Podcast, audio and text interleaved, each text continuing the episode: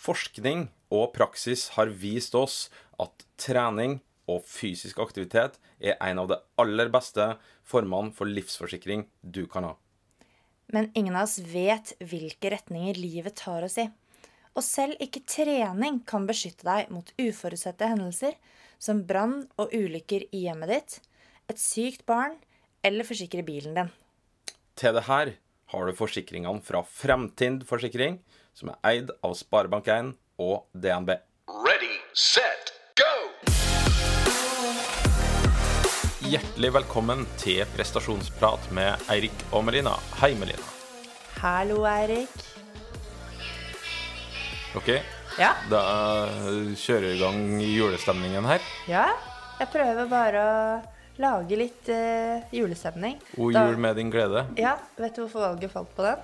Jeg veit jo det, men jeg vet ikke om lytterne vet det. Det er jo superinteressant. Nei. Det er jo da min tipp, tipp, tipp. Jeg må alltid ta én, to, tre fingre. Tipp, tipp, tipp. Oldemor, som har skrevet 'O jul med din glede'.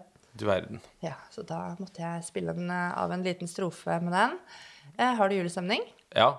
Er det, hvor mye sånn i royalties eh, drar du inn i året på O jul med din glede? Ja, altså, der sier du noe som jeg ikke har tenkt på før. Fordi det Hvem har rettighetene på å jul med din glede'? Nei, det, vi, får, vi får sette av dagene nå framover til å finne ut om du har gått glipp av eh, Tono, Tonos uh, penger her. Det er Altså, da er jeg sikkert ikke alene i og med at det er litt uti slektstreet der nå. Ja, det må deles på mange, tror jeg. Ja, Kanskje ikke blir som, kanskje ikke verdt det likevel. Nei.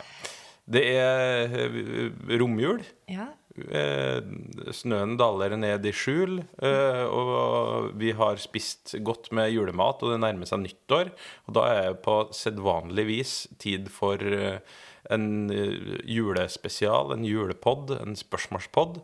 Det har vi gjort nå de to siste julene, vel. Mm -hmm. Så da er det på tide å sette seg ned og svare på det de haugene med, med spørsmål som har kommet inn. Ja, jeg vet ikke om vi rekker hauger. Det er jo bedre å svare liksom litt godt på noen spørsmål, tenker jeg, da, enn å rase veldig overfladisk gjennom mange. Så vi har jo valgt ut noen spørsmål og en del ting som gikk igjen. Og også noen spørsmål som vi har fått tidligere, men ikke, ikke rukket å ta opp, da. Eh, Så nå sitter vi her med gløgg i koppen, tente lys og ja, skal eh, ha julespørsmålspod, men det er ikke så veldig julete spørsmål, da. Det er jo fag, faglige ting. Eh, Men før vi går til det, da, så får vi ta litt av fot i bakken, i og med at det er såpass lenge siden vi har eh, eh, poddet nå. Eh, Ja, hva skjer, hva skjer for deg og på din kant eh, nå og i eh, den nærmeste fremtiden? Eh, nei, nå har jo jeg juleferie, hatt en liten periode. Ok, Eh, eh, La meg bare skyte inn at når du har juleferie, så eh, innebærer det fortsatt, bare sånn at lytterne vet da, hva jeg står i her, fortsatt liksom utøversamtaler, digitale møter, ørten mails, men jo da, det er juleferie. jeg er jo heim. Ja, Så da, og, og det er jo noe av det viktigste som skjer i år på, for de utøverne jeg trener for. Det er Tour de Ski. Det foregår as we speak. Eh, Jeg er ikke der. Jeg har vært på 13 Tour de Ski opp igjennom, men eh, jeg er ikke på den her. eh, Fordi at jeg skal dra nå 5. januar. jeg vet jo du synes det er koselig å være her med Niklas og meg, men sånn helt ærlig her nå på luften, eh, hvordan er det å ikke være på Tour de Ski? Det er det verste jeg veit. Eh, jeg skal innrømme det at altså, mellom skirennene så er det jo greit. Da er det jo fint å være her. Men når det nærmer seg skirenn eh, På klokka, liksom? Nedi, nedi Europa og sitte hjemme og ikke kan eh, være med og påvirke, det syns jeg er helt håpløst. Jeg tror jeg blir en ganske dårlig eh, mann og en dårlig far akkurat da. For da klarer ikke jeg å ha fokus på noen verdens ting. Jeg er mer nervøs når jeg sitter hjemme her, enn hvis jeg hadde vært der. Ja. Så um, Så, sånn er det. Svetta gjennom et par T-skjorter. Ja, ja. ja. Uten å røre deg så mye. Nei, men jeg skal i hvert fall være borte i sju uker nesten, fra 5. januar, og da for å, droppe, for å unngå å være borte i ni uker i strekk, så mm, eh, står jeg over Tour de Ski. Ja, Det setter jeg veldig pris på, fordi jeg forbereder meg jo mentalt nå hver eneste dag omtrent på å være single mom i rundt to måneder. Uh, og det er ikke sånn at, jeg, at det er det eneste jeg har å gjøre, men det er jo i likhet med, med alle andre. Så det tenker jeg faktisk veldig mye på, hvordan jeg skal løse og legger planer i hodet og, og styre med det. Og så mm, Ja, jeg er jo ikke liksom helt 100% frisk ennå, da. Jeg har, ikke, jeg har vært så mye syk. Og det er utrolig liksom kjedelig å snakke om, men det innebærer jo at jeg ikke er i sånn helt normal trening ennå. Det vil si, jeg trener så å si hver dag, men, men bare rolig. Ehm, og ja, så jeg gleder meg til Jeg kan liksom kjenne at nå har jeg ingen restsymptomer og er klar for å kjøre intervall. For jeg er jo ikke sånn som i hvert fall normalt sett, da. Sånn som kjører intervaller med sånn resthost og sånne ting. Jeg skal innrømme at jeg gjort jeg gjorde det én gang før Beitostølen, åpningen, eh, i et håp om at jeg, kroppen skulle kjennes sånn at jeg kunne gå der. Men det ja, visste jo egentlig svaret på forhånd. Det var bare tullete. Neida, Så jeg går egentlig bare og venter på å bli ordentlig frisk, og venter på at det nye året skal starte. Sånn at eh, jeg kan komme i gang på idrettshøyskolen igjen og ja, så får jeg Niklas og jeg, vi kommer alltid inn i en rutine. Vi også blir det egentlig bare litt irriterende. Det er veldig hyggelig, men også litt irriterende når du kommer tilbake. For da vi, er vi så liksom inni en rutine at du blir litt i veien i starten. Eh, Jeg kommer til å føle meg ganske i veien nå. Nummer én, jeg kommer da fra Kina på et helt annet døgn. Jeg har vært borte i sju uker, så spørsmålet er om han kjenner meg igjen.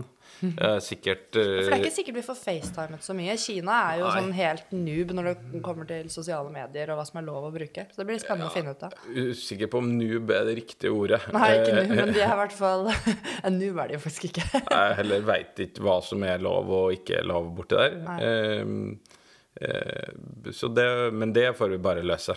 Ja. Eh, Det blir spennende å se. Det blir spennende å se. Ja. Men nå tror jeg vi skal hoppe rett til eh, spørsmålene Ja, som har kommet inn. det. Og mm, la meg også si på forhånd tusen takk for alle spørsmål. Så skal vi gjøre vårt beste på å svare på dem. Det har kommet en del spørsmål som åpenbart eh, Det kunne jo gått til meg, men i og med at det er du og jeg som har denne podkasten, så føler jeg de går mest til deg. Og det er spørsmål som går på ski og langrenn. Og det første spørsmålet det går på hva er beste måten å trene teknikk på i langrenn? Ja. eh, skal du jo bli god på noe, så må du jo gjøre det mye. eh, og i dette tilfellet handler det om å gå og få timer på ski. Det mener jeg jo sånn generelt sett det beste måten å, eh, å trene på. Eh, rulleski kan du mm, også fint bruke til teknisk trening på ski. Ja, men det er liksom Du kan jo gå mange timer på ski, men Og Jo det er jo mange som gjør det uten at de blir noe bedre. Jo da, men jeg skal fullføre resonnementet mitt. Eh, greia med rulleski er at det er litt annerledes, spesielt da klassisk. Eh, for at på, på ski så er jo noe som heter tyngdeoverføring, som er veldig viktig for å få feste på skien. Og hva er tyngdeoverføring? Tyngdeoverføring er at du står med full vekt på ei ski.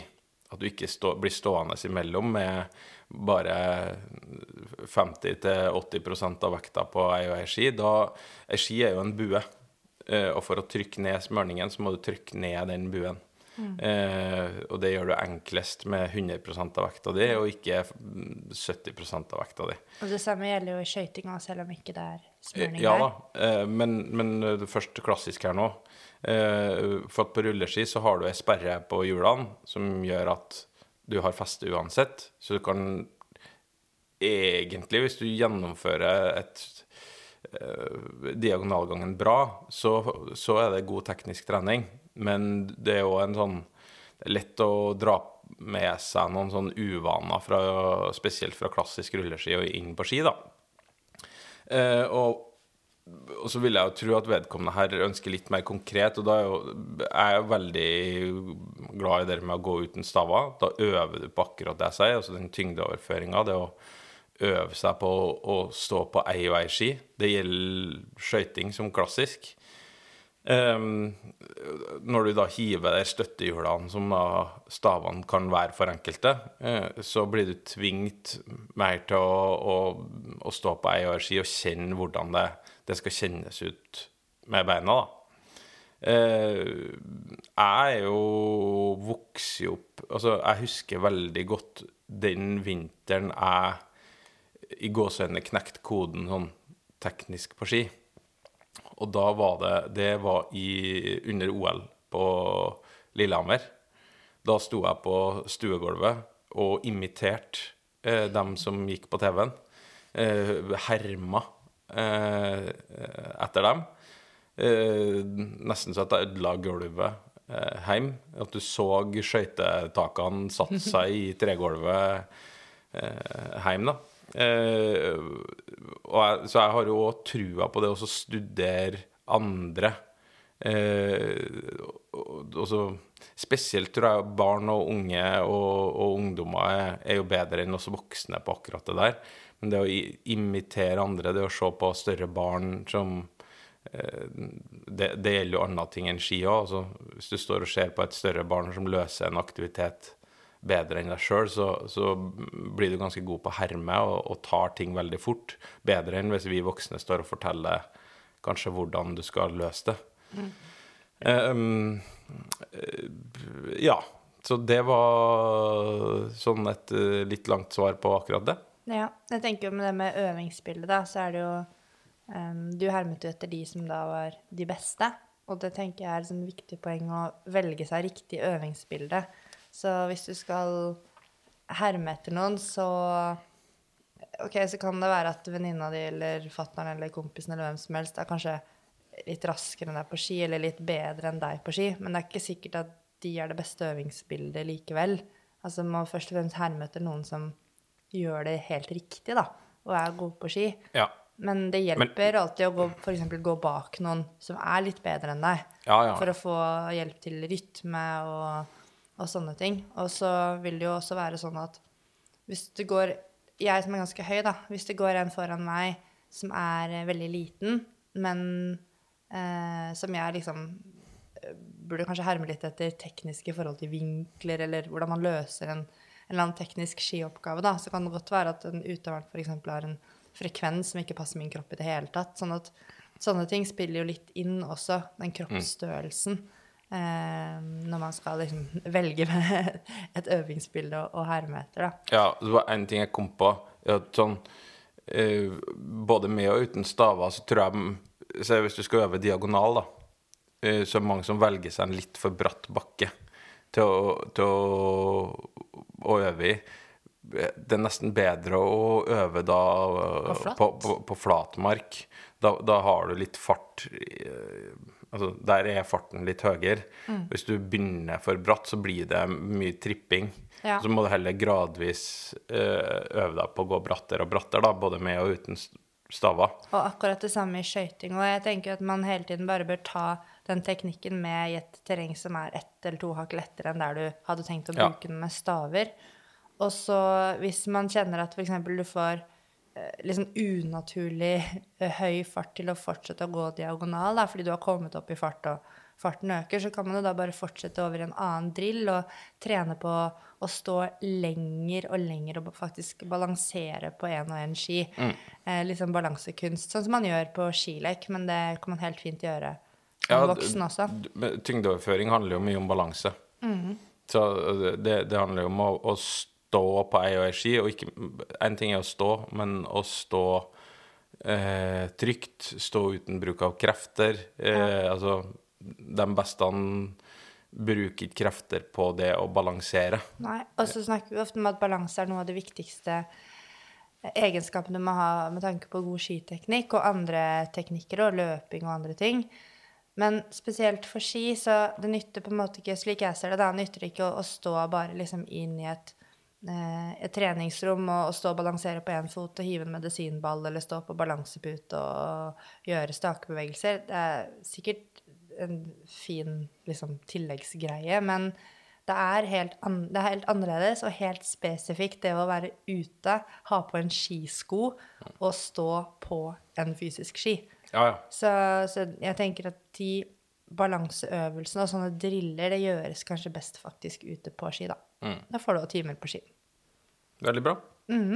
Skal vi ta neste spørsmål? Det handler jo også om eh, Ja, det er liksom, litt samme leia, da. Hvor ofte trener dere? Det er sikkert landslaget, da. Teknikk uten staver. Ja, det er veldig individuelt, det her. Eh, noen gjør det en god del, eh, noen gjør det veldig lite. Eh, det her er jo utøvere som er eh, gått opp i årene. Eh, så at de trener jo mindre med staver enn hva en, en ungdom bør gjøre, som ikke er eh, Ja, eller meg. eller du. Mm. sånn at Men det gjøres absolutt. Eh, spesielt i starten av sesongen. Mm. og spesielt eh, i klassisk, for å gå seg inn diagonal. Eh, når det gjøres eh, i skøyting, så er det ikke like mye av tekniske årsaker. Det er mer at du et litt annet stimuli. Gå litt uten staver for å få litt mer trøkk på beina. Mm, mer belastning, rett og slett. Ja, mer en sånn treningseffekt og ikke en teknisk effekt. Men da er det sikkert eh, noen som lurer på eh, Går man da f.eks. en hel langtur uten staver, eller eh, er det mer sånn inni en økt et eller annet sted? ja, Stort sett så er det inni øktene, men det fins jo enkelte som, har, som går og hele økta da kanskje mm, spesielt i skøyting, da. Eh, uten staver. Men det, Ja. det er mest uh, som en uh, del i ei økt. Ja, det er i hvert fall sånn jeg også har gjort det, og syns det fungerer egentlig veldig bra. Så har vi fått inn et spørsmål her som går litt på dette med puls. Og innsenderen lurer på om det er normalt som en aktiv ungdom i et uh, utholdenhetsmiljø med en I3, altså en sone 3, da, uh, på 185 til 190 i puls. Ja. Ja Uh, Ja. Eh, Det er vanskelig å, å svare noe annet enn at det er normalt, det. Det, det er jo like normalt som noe annet, tenker jeg. det, Mm, det det er jo det. avhengig her av av hva makspulsen din er. Eh, Og den varierer jo veldig mellom individ eh, og utøvere. Sånn at mm, der det her er 185-190. det er like normalt å ha det som å ha 150 til 160, for. Ja, fordi det er jo bare eh, Altså I3 det er jo da 82-87% av individets makspuls. Sånn at, eh, og noen har jo genetisk sett mye høyere makspuls enn andre. Så mm, om snittet ligger litt lavere i forhold til alderen, så er det fortsatt, like, det er fortsatt normalt å ha Ja, ja. eh, en høyere I3, eller en I3 som er høyere enn gjennomsnittet, da.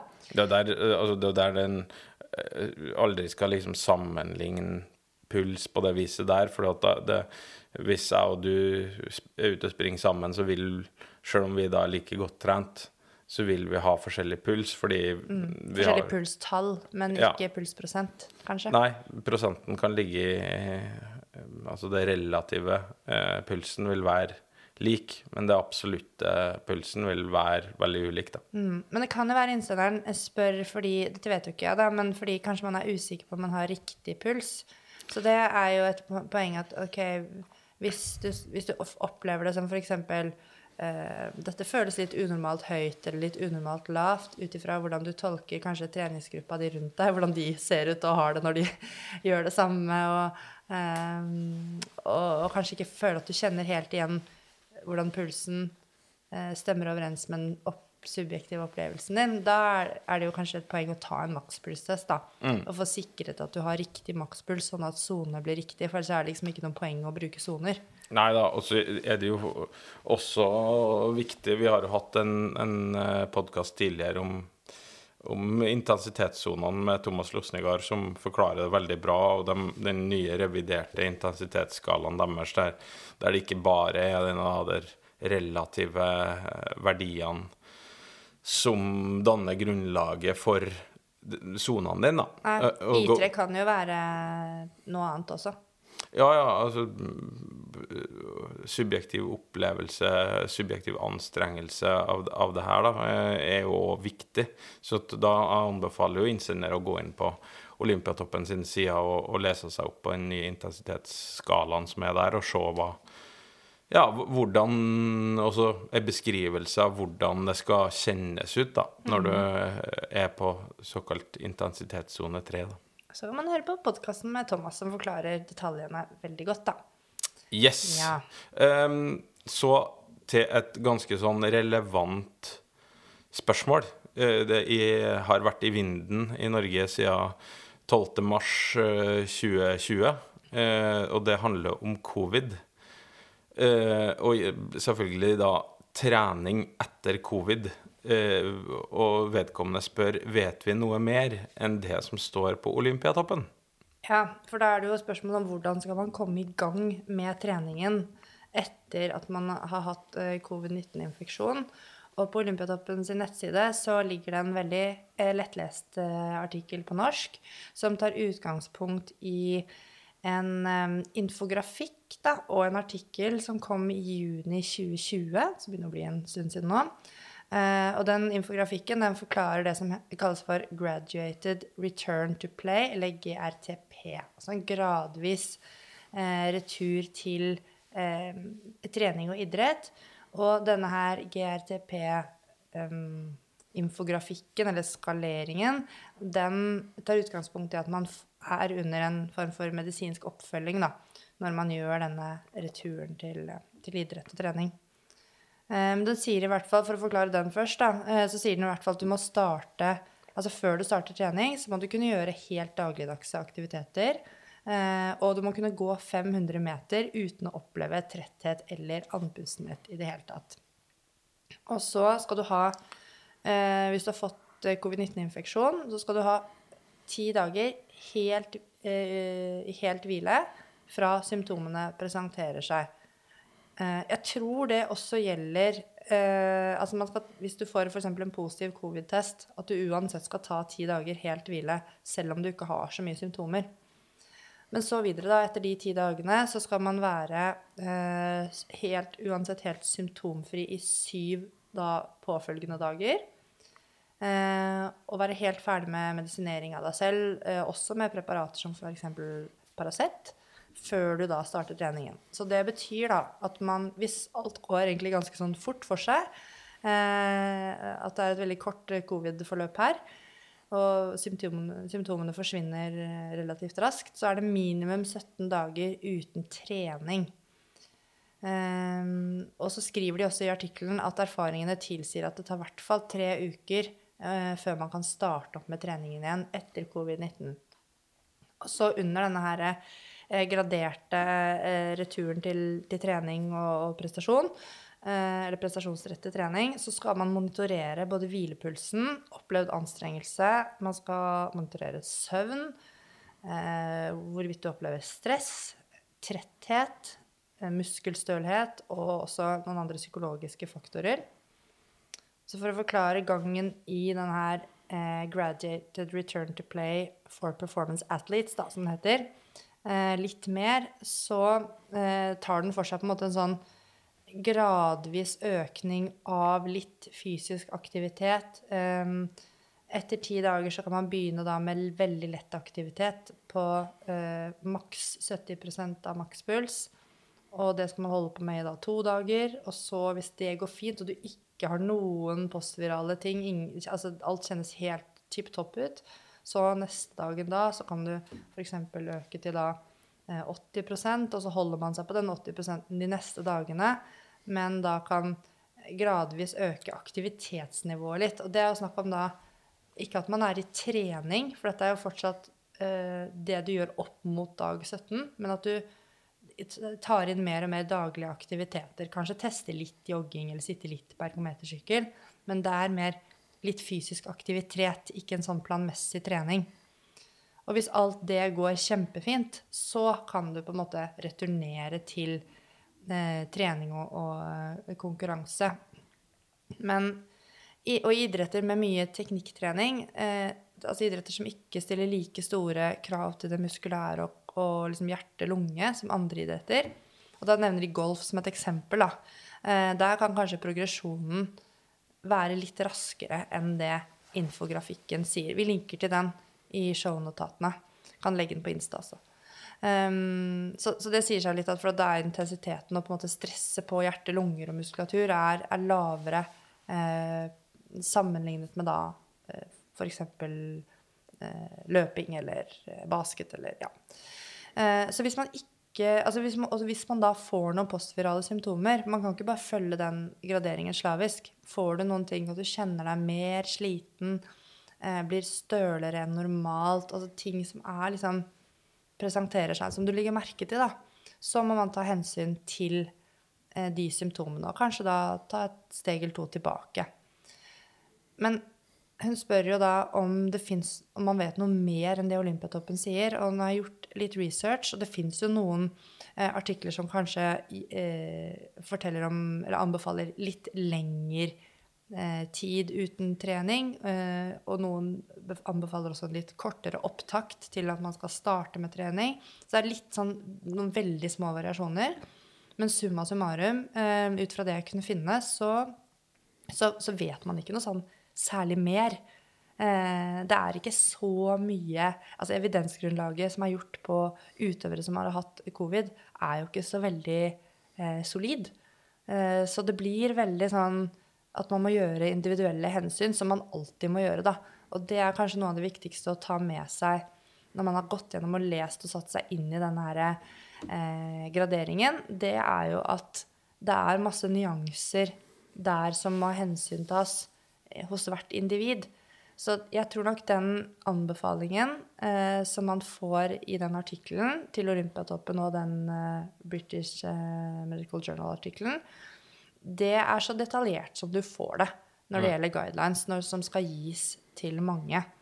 Og noe som eh, ikke kanskje blir highlightet så mye eh, på, på OLT eller eh, den eh, originalartikkelen, da, men som andre skriver om, det er jo det at man bør få medisinsk oppfølging. Mm, Spesielt hvis du driver med utholdenhetsidrett, fordi covid rammer jo som godt kjent lungene veldig. Eh, så, og, det kan bare bety at man har kontakt med fastlegen sin og, og er innom og får tatt lungefunksjonsmåling f.eks. Og, og, og opplever du et eller annet som virker liksom å være i ulage, f.eks. veldig høy hvilepuls, eller du kjenner at eh, opplevelsen av pusten din forandrer seg til det verre, så, så tar du kontakt med legen også, eh, sånn at man kan finne ut av det sammen. Det med lungefunksjonsmålinger som du er inne på, det, det fordrer jo kanskje at du har en historie med å ha testa det. For at ellers så vet du ikke hva eh, baseline er. Hvis du for første gang tester deg eh, rett etter covid, og så vet du ikke om Du er usikker da, på om lungefunksjonen din er tilbake til normalen, eh, så vet du ikke nødvendigvis hva normalen er. Nei, da, da vil du, og det er jo ikke så vanlig at hvis ikke du driver med, med idrett på veldig høyt nivå, så har du kanskje ikke målt lungefunksjonen din i frisk tilstand, ikke sant? Men det som man da går ut ifra, er jo hvordan den flow-volumkurven skal se ut hvis ting er normalt, og så regner man med at eh, man har liksom eh, Man har en større kapasitet kanskje da, som utøver, sånn at det skal i hvert fall kanskje være tilbake til normalen, sånn som normalbefolkningen vil, for- altså man vil forvente det for normalbefolkningen. Da. Så er det en ting til som, som eh, vi kanskje bør adressere, som også skrives litt om i, i disse artiklene som jeg har funnet på når det gjelder å returnere eh, til trening etter covid. Og det er jo dette med at hvis du har et langt sykdomsforløp, og du opplever også sånn som en del har gjort, den her long covid, um, hvor man har en sånn tretthet eh, som vedvarer, og tungpustethet som vedvarer i mange mange uker etterpå, så eh, er det jo for veldig mange ikke så fristende å gå tilbake til mye aktivitet. Og man gjør eh, Man har veldig konservativ fremgang, og det, det kan være helt riktig, men det kan også ha oppstått detrening. Altså du har blitt i dårligere fysisk form fordi du har måttet holde deg i ro. Og det er jo også rådet. Sånn at det er ikke sikkert at alt man opplever mm, liksom, i fysisk aktivitet som oppleves som tungt, og, og at man har litt tung pust, det er ikke sikkert at alt relateres direkte til covid, Nei. men indirekte via at man har fått dårligere fysisk form. Da. Og da må man jo tenke på at når du da starter opp treningen, så er det ikke bare det at du skal være frisk fra symptomer, men hvor lenge du har vært borte fra trening, påvirker jo hvor raskt du kan gå fremover. Og jo lenger borte du har vært fra trening, jo saktere må du gå fremover for å ivareta prinsippet om å unngå skade. Veldig bra. Ja. vi, uh, Vi kan kjøre rett videre, fordi at det neste spørsmål er egentlig litt relatert.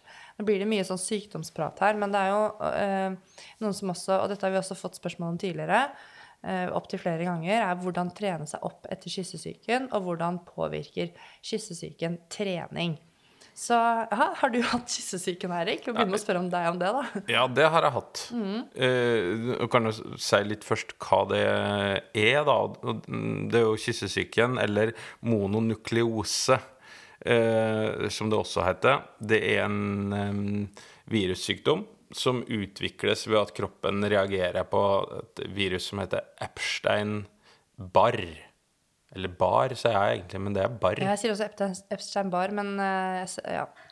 Um, og den karakteriseres jo med en, en sånn såkalt tirade av feber, sår og vond hals og, og hovne lymfekjertler. Tirade eller triade? Hva sa jeg? Tirade. Men ja. det føles nok ut som det kommer en tirade av symptomer. Ja, ja. Her er bar og barr og tirade og tri triade. Ja. Ja. Eh, det- Det er ganske lang sånn inkubasjonstid. Det tar tre til seks uker før du merker noen ting. Og så kan denne sykdommen da vare fra ei uke for noen litt mer, og så går det som oftest to til tre uker etter det her før du er tilbake til normalen igjen.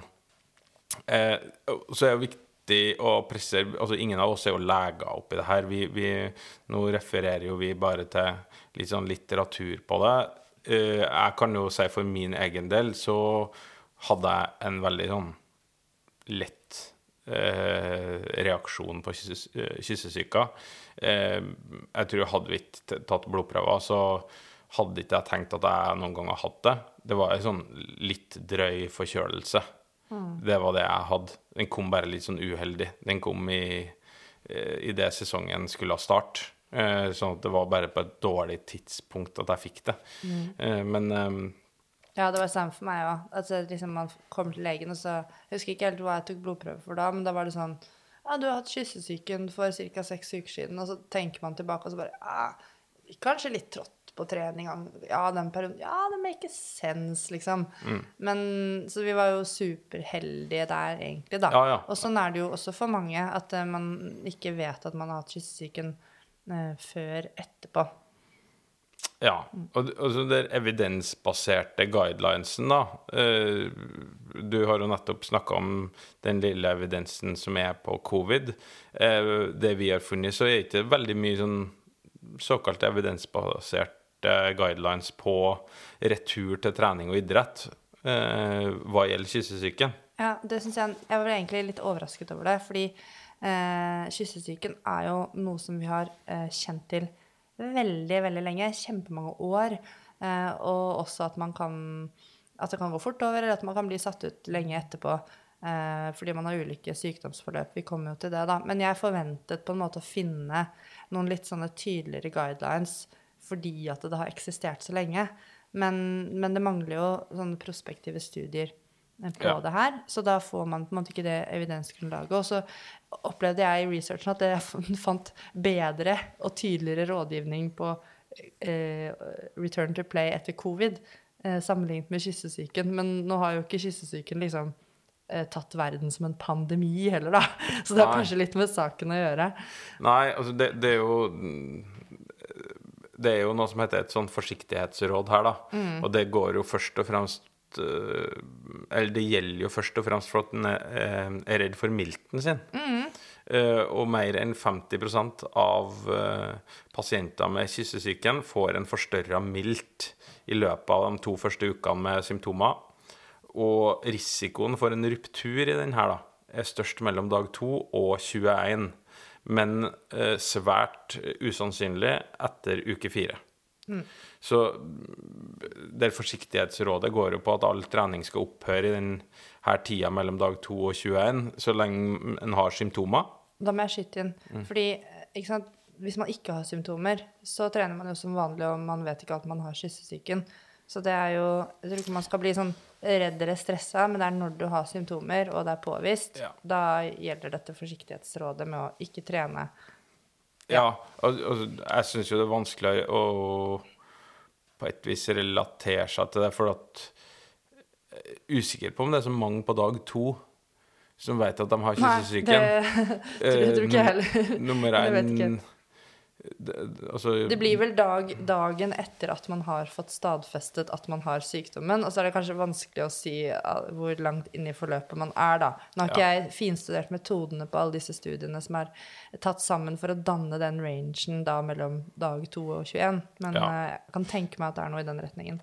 Det er i hvert fall noen studier som anbefaler at man ikke starter treninga før tidligst 21 dager etter at eh, sykdommen har presentert seg. Da. Eh, og andre studier anbefaler å vente fire uker uansett eh, aktivitetsnivå. Eh, og, det her rådene mm, for return to play, da, for å bruke det ordet som du brukte på covid, det må jo individualiseres. Det, jeg og du, som sagt, vi, vi merka knapt at du hadde, og så vet jeg jo folk som har blitt ordentlig sjuke av det her. Ja, jeg vet folk som har fått, altså virkelig fått idrettskarrierene sine skikkelig ødelagt, rett og slett. Ja.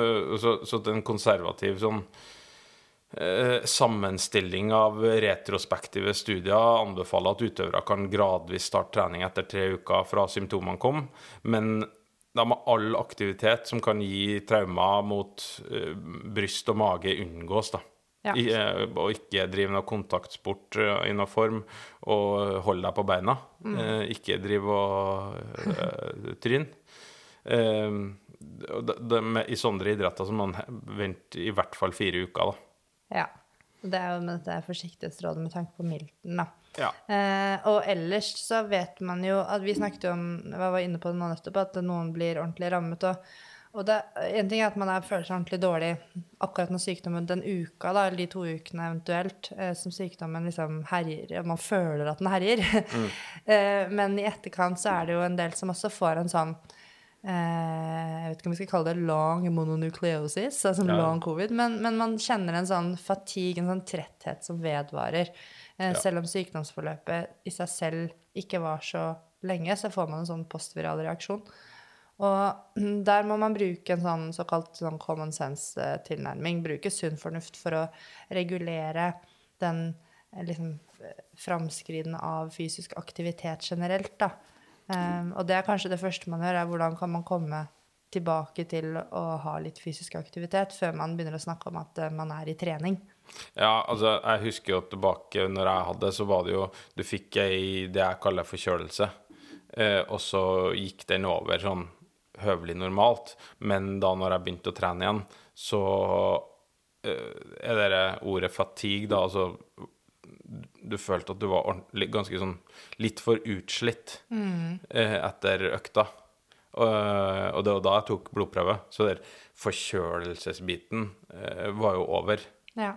Det var mer dere litt rare følelsen i kroppen etter trening og under, under trening som det, det var noe som ikke liksom. Ja, det, det her stemmer ikke. Det gikk fryktelig sakte på noen intervaller, eh, men også rolig økta. Du ble sånn ordentlig sliten etterpå. Mm. Uh, selv om du har gått kanskje en og en halv til to timer mm, easy, så kjentes det ut som du har vært ute i fire timer. Og det er det som er litt sånn uh, lumsk med kyssesyken. Fordi dette er bare sånn uh, anekdotisk, eh, basert på liksom meg selv og folk jeg kjenner, og sånn som har hatt det.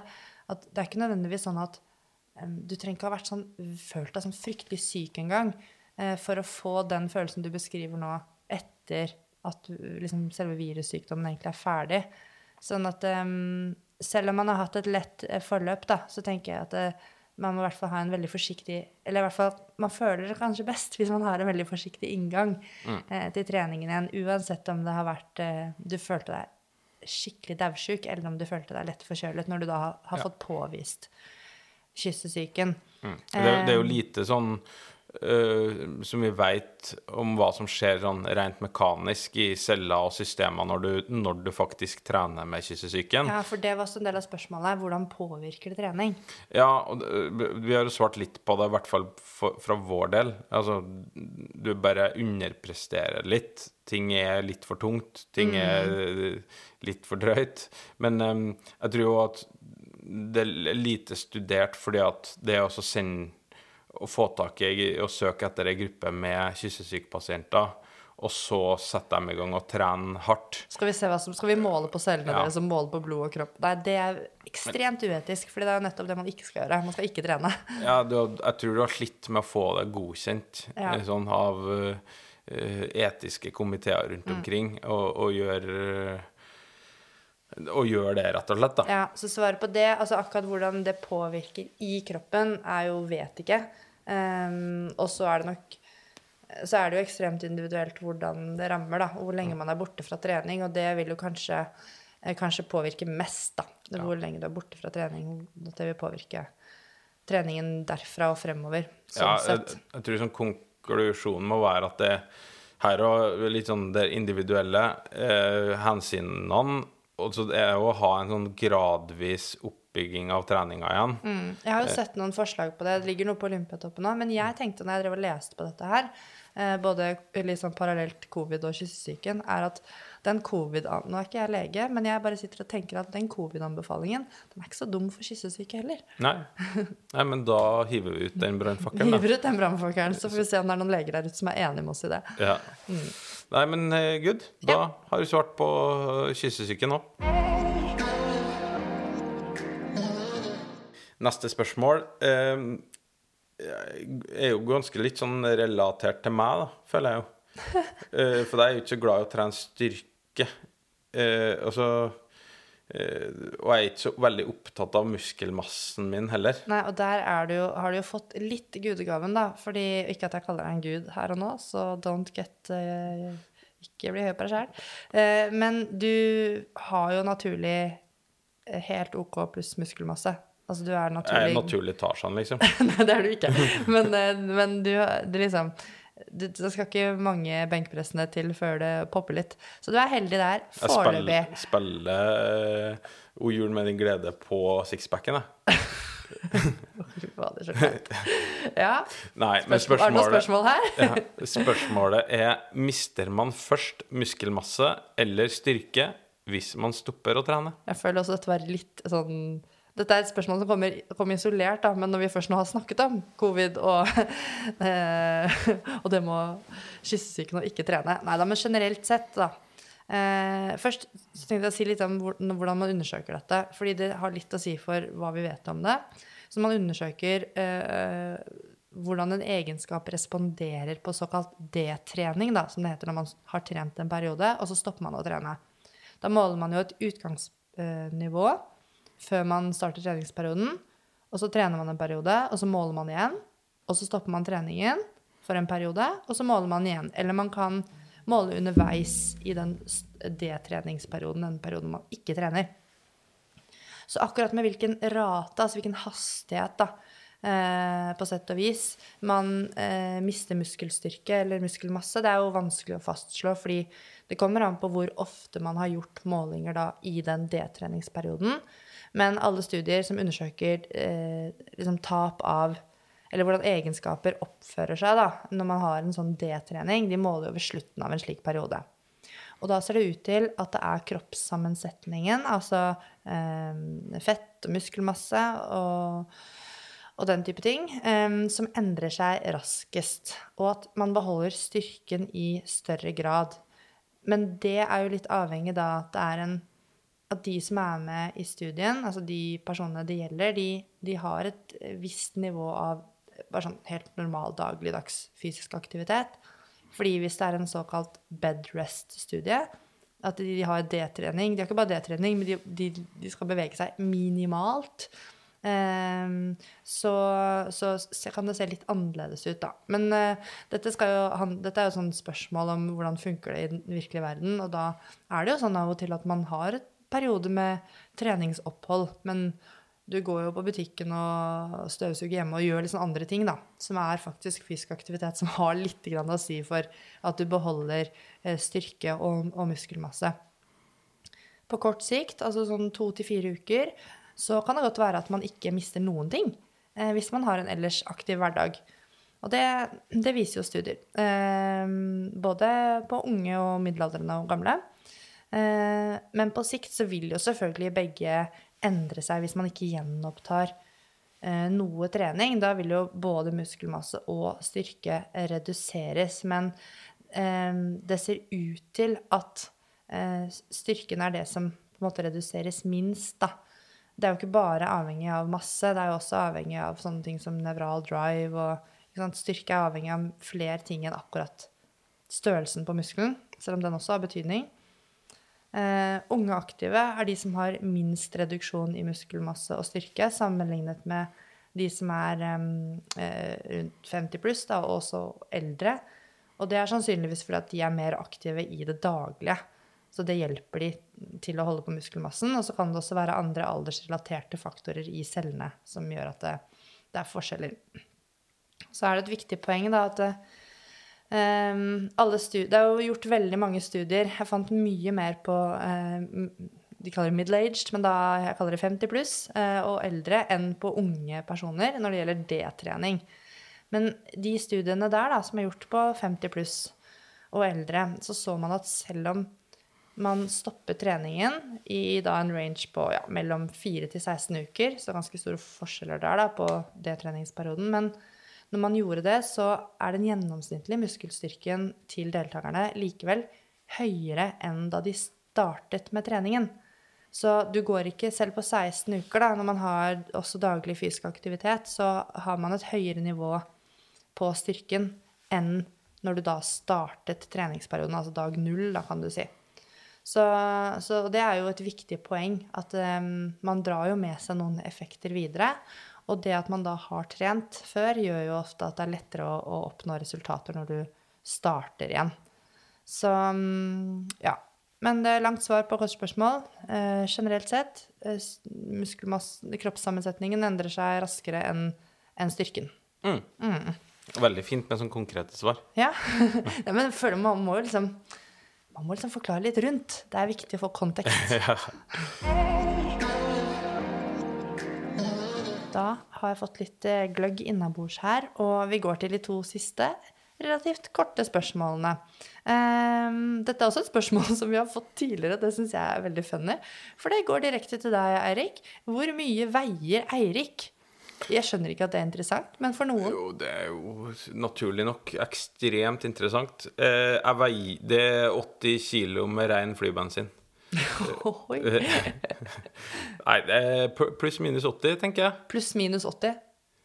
Ja, og mm, nå etter jula så tror jeg nok vi er mer på pluss, Ja, når du sier pluss-minus 80, så tenker jeg sånn 80 kilo pluss og 80 kilo minus. Men 80 pluss minus 2 kilo, kanskje?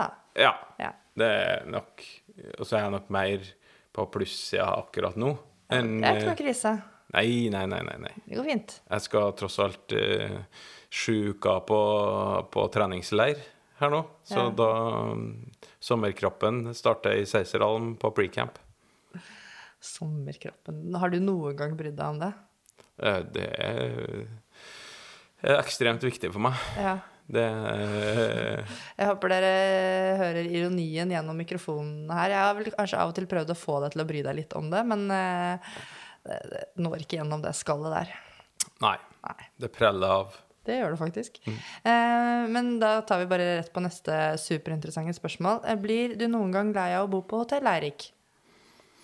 Ja, det gjør jeg. jeg vet ikke hvor mange døgn i livet jeg har på hotell, men det er ganske mange eh, vi blir såpass lei av og til at eh, vi ønsker jo, i hvert fall på en del samlinger, å bo på hytta med mm. sjølhushold.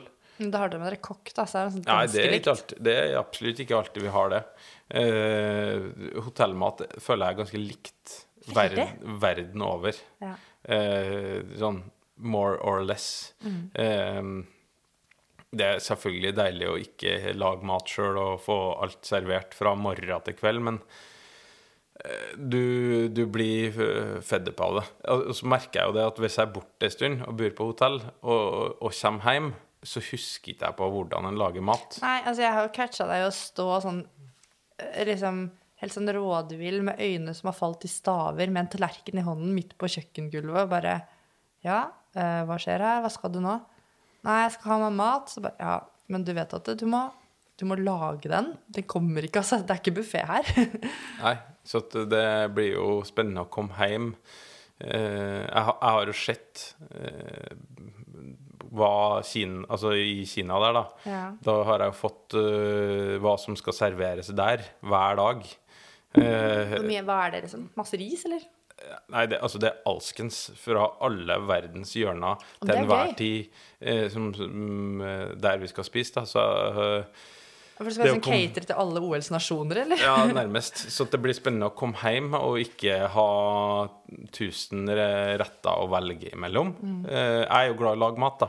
Ja. Så jeg, jeg kommer jo ganske fort inn i det igjen. Men Du kan jo velge mellom tusen retter, men utøverne dine kommer til å gå for det mest kjente, og dere kommer sikkert Ja, til å ha med masse hjemmefra. Men, men er det andre ting som gjør at du blir lei av å bo på hotell, da? Samme Ja. senga di, kanskje? Hva du sa Om du savner senga di? Ja, eh, så, det er riktig å si. Jeg savner jo kona mi, og savner jo Ja, ja, ja. Niklas og sånn, da. Men, men ja, du blir jo Jeg kan for så vidt sove hvor som helst i verden, og nesten uansett hvilken type seng det er. Men eh, du gleder deg jo til å komme hjem og sove i egen seng, ja. Du gjør det. Men eh, jeg tror det er folk som blir mer lei enn meg. Jeg overlever stort sett, jeg. Ja. Det er bra. Eh, Jeg tenker vi sier at det var det for denne runden. Da har vi lært eh, kanskje litt mer om covid, kyssesyken og litt sånt nå. Og så kommer det en ny episode faktisk eh, ganske snart. Det blir da to uker fra den her kommer. Og da skal vi ha en veldig kul og veldig rask gjest. Så det gleder vi oss masse til. Det tror jeg blir en veldig, veldig bra og innholdsrik episode for dere lyttere. Så jeg tenker at eh, vi får ønske godt nyttår, jeg. Vi ønsker godt nyttår. Mhm. Så høres vi i 2022. Det gjør vi. Ha det bra.